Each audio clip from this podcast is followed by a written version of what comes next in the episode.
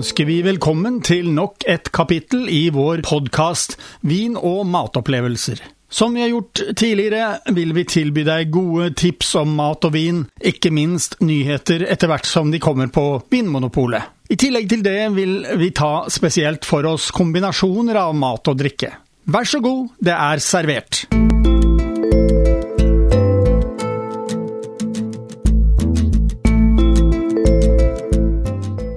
Nå var det jo romerne som brakte vindruen til Tyskland. De hadde jo tatt et stort jafs av, av, Europa på den tiden der. Og de hadde mange forskjellige druer, sikkert. De vet ikke om en av dem var Riesling. Det vi har her nå foran oss, Karl Erik, det er jo to viner fra det området som vi snakker om. Dette er jo veldig kjente viner for oss, for vi har vært på begge steder hvor disse er laget. Ja, den ene er fra Rheingau, som ligger ja, ikke så veldig veldig langt fra Frankfurt, nede ved Rhinen. Akkurat dette kloster Ebak ligger litt oppe i skråningen, med fint utsyn. Fantastisk sted. Hvis man er på de traktene, så bør man stikke innom. Og så har vi en vin litt lenger vestfra. Og kanskje nordvest også, faktisk. Mittelrein? Mittelrein, ja. Fra en produsent, en familie som heter Ratzenberger. Og Vi har jo pratet med gamle Ratzenberger. Like før krigen så rømte han vestover fra Königsberg, Prøysen, Øst-Prøysen, og til da Mittelrein-området. Og startet med vinproduksjon. Det var moro. Ja, det var veldig moro. Han er nok ute av businessen i dag, når jeg ser på nettsidene deres. Men det er, det er tredje generasjon som faktisk er inne i bildet nå og driver. Veldig stolt produsentfamilie. Har også god kjennskap til Norge. Han som er hovedpersonen der, han var formann i en sånn folkedansgruppe som ofte var i Norge, fortalte han. De produserer på, på, på, spesielle jorder som ligger i en fin skråning med fint jordsmonn. Ganske grusete, litt skiferpreg i det eh, også. Og der eh, har de da det som vi er kjent som Grand Cru-viner i noen av disse feltene sine. Det kalles Grosses Gewächs på tysk, og man, hvis man kjøper en slik vin, så står det på etiketten GG. Og det tilsvarer det franske Grand Cru. Så vi har en slik vin fra Ratzenberg, fra et jorde som heter Sankt Jost. Just. Og der har vi vært. Og jeg lurer på om denne vinen er fra det året vi var der. 2013, står det. Det tenkte jeg litt på når jeg kjøpte den, faktisk. For det var helt tilfeldig at Vinmonopolet hadde 2013. Men jeg tror faktisk det kan være når vi gikk og tro der. Så vi har nok kanskje sett de druene henge på vinstokkene der. Men da syns jeg vi skal få smake på dem, og så se om det er noe forskjell. Ja, det gjør vi gjerne. Vi tar først litt sånn aromaprøving her, og så smaker vi på vinene. Vi ser allerede når vi ser på glasset at det er litt forskjellig farge. Og Den første vi skal smake på og lukte på, det er vinen fra Kloster Eberbach. Kommer fra vinmarken Hattenheimer. Det er en 2018 Riesling kabinett. Og kabinett er da kvalitets, et kvalitetsstempel, men det er den enkleste vinen av disse kvalitetsvinene.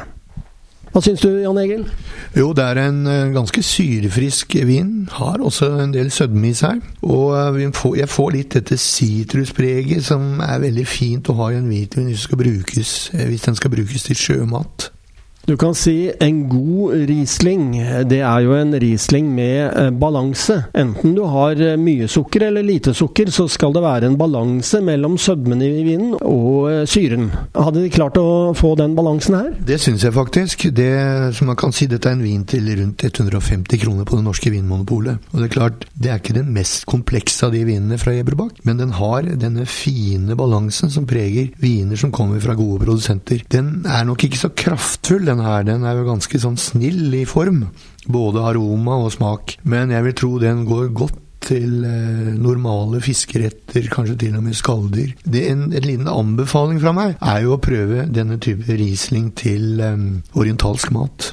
Og da er det ofte at man bør eh, velge en halvtørr eh, Riesling, fordi sødmen i vinen eh, vil kunne balansere mot krydderet i maten. Det er helt riktig. Den vil da kunne stå fint nettopp å ta ned alt det, alt det spisse gjennom sin sødme. Og jeg tror nok denne kan, kan brukes i slike sammenhenger. Dette er en Kloster Eberbach, som du sa, fra mm, jordstykket Hattenheimer.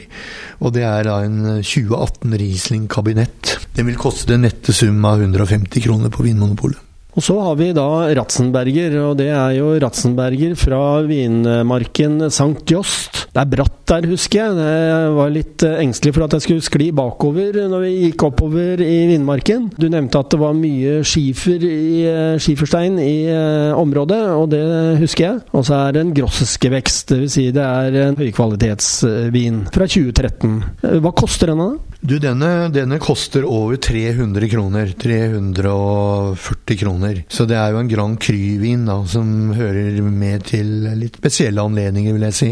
2013, eh, årgang. Akkurat det året tror jeg faktisk vi var der, som du var innom. Dette er jo en uh, krevende produksjon, altså. Du nevnte at det var veldig bratt. Og dette håndplukkes og finsorteres allerede ute på jordene. Og det er ikke store volumer vi snakker om her. Så her ligger det mye håndverk fra når det klippes på, på vindstokkene og til de er på tankene. Og jeg eh, lukter på eh, begge glassene ved siden av hverandre, og da kjenner jeg en eh, avdempet, eh, syrefrisk eh, duft fra eh, Kloster Eberbach, men jeg kjenner en stor fylde fra Ratzenberger. Og ikke bare fylde, men jeg kjenner ja, Du var inne på litt sånn tropisk frukt også. Jeg, jeg kjenner det i duften. Det er det, og det er um, utprega mye syrlighet. Den sitter lenge i munnen. Og det betyr jo at den kan brukes til veldig mye av den type mat vi var innom her i stad. Det er, eh, det er, en helt annen fylde i, denne enn den første. Og eh, det er nok ikke en terrassevin, jeg vil ikke karakterisere det som det. Den første her, den er mer det. Jeg har bare lyst til å nevne at eh, for de som er interessert i Mittelrhein-området og vinproduksjonen der, så er en, er en kjent landsby rett ved Ratzenberger, nemlig byen, landsbyen Bakkarak. Jeg hørte veldig mye på Bacharach-jentene når de sang eh, på 70-80-tallet. Ja, dette er nok uh, Dette er en orkesterleder som heter Bacharach, som vel hadde emigrert til USA, som har gjort navnet kjent. Jeg vet ikke hva slags tilknytning han har til den byen, men det er en ganske idyllisk eh, liten landsby som ligger der helt på bredden av Rhinen. I vanlige år, da det går an å fly nedover Europa, så er det slik at man kan fly til, til Frankfurt og komme seg lett videre opp i dette området. Jeg vet at mange nordmenn også sykler sykler i det området. Det er veldig fint å sykle langs Rhinen. Ja, jeg har sett det er anlagt eh, veldig mye sykkelveier eh, på kryss og tvers der nede, så, så, det er nok en veldig fin tur. Denne vinen er jo egentlig ganske sånn, noen vil si sublim. Altså det er eh, elegant, stor fylde, har liksom balanse mellom syre og litt sødme, og da disse fruktinnslagene. Jeg syns det tenderer til litt sånn tropisk frukt, faktisk, altså. Men så har den da også dette sitruspreget som er så nødvendig til kraftige fiskeretter. Ja, du nevner mat eh, av kraftige fiskeretter, men er det andre ting du tror du kan bruke her? Ja, nok en gang eh, så vil jeg slå et slag for å bruke Riesling til eh, orientalsk mat. Det har jeg vært med på prøving på tidligere, og det er helt utmerket. Det eneste som kan matche denne type Riesling til orientalsk spiss mat, det er faktisk champagne. Vi har jo vært i Alsace også, og der er jo Riesling en av de sju druene som er tillatt brukt i Alsace-viner. Og eh, da spiste vi lunsj, og ja, vi knakk jo sammen av latter, fordi eh, inn Vi var fire stykker, og de bar inn fire kuverter med et, eh, en liten pyramide av surkål, og hvor det var balansert da pølser og litt kjøtt oppover pyramiden. Og til dette så husker jeg vi hadde en god Alsace-Riesling. Og, eh, og, det gikk veldig greit, altså. Ja, da, og også på tysk side så er det jo sånn at du får, eh, kan få Riesling til veldig mye kjøttretter. Det brukes jo mye svinekjøtt i dette området, og det, jeg syns det går veldig fint med Riesling til svinekjøtt. Det er bare det at det skurrer litt sånn ved første øyekast. Den, det evenementet du nevner, det var kraftige synsinntrykk av heftig mat, som var nok beregna på landarbeidere og grovarbeidere ute på jordene, mer enn oss tilreisende som satt i bilen hele dagen. Så jeg så sjokkartede uttrykk i ansiktet på flere av kollegaene som var med på denne turen. Sjokrot eh, heter jo den retten vi fikk, og eh, det er jo en eh, forfranskning av sauerkraut i Tyskland.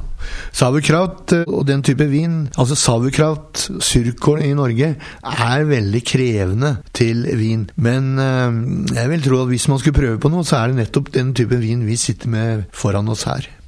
Men da har vi altså smakt på to fantastisk gode viner. Litt forskjellige bruksområder.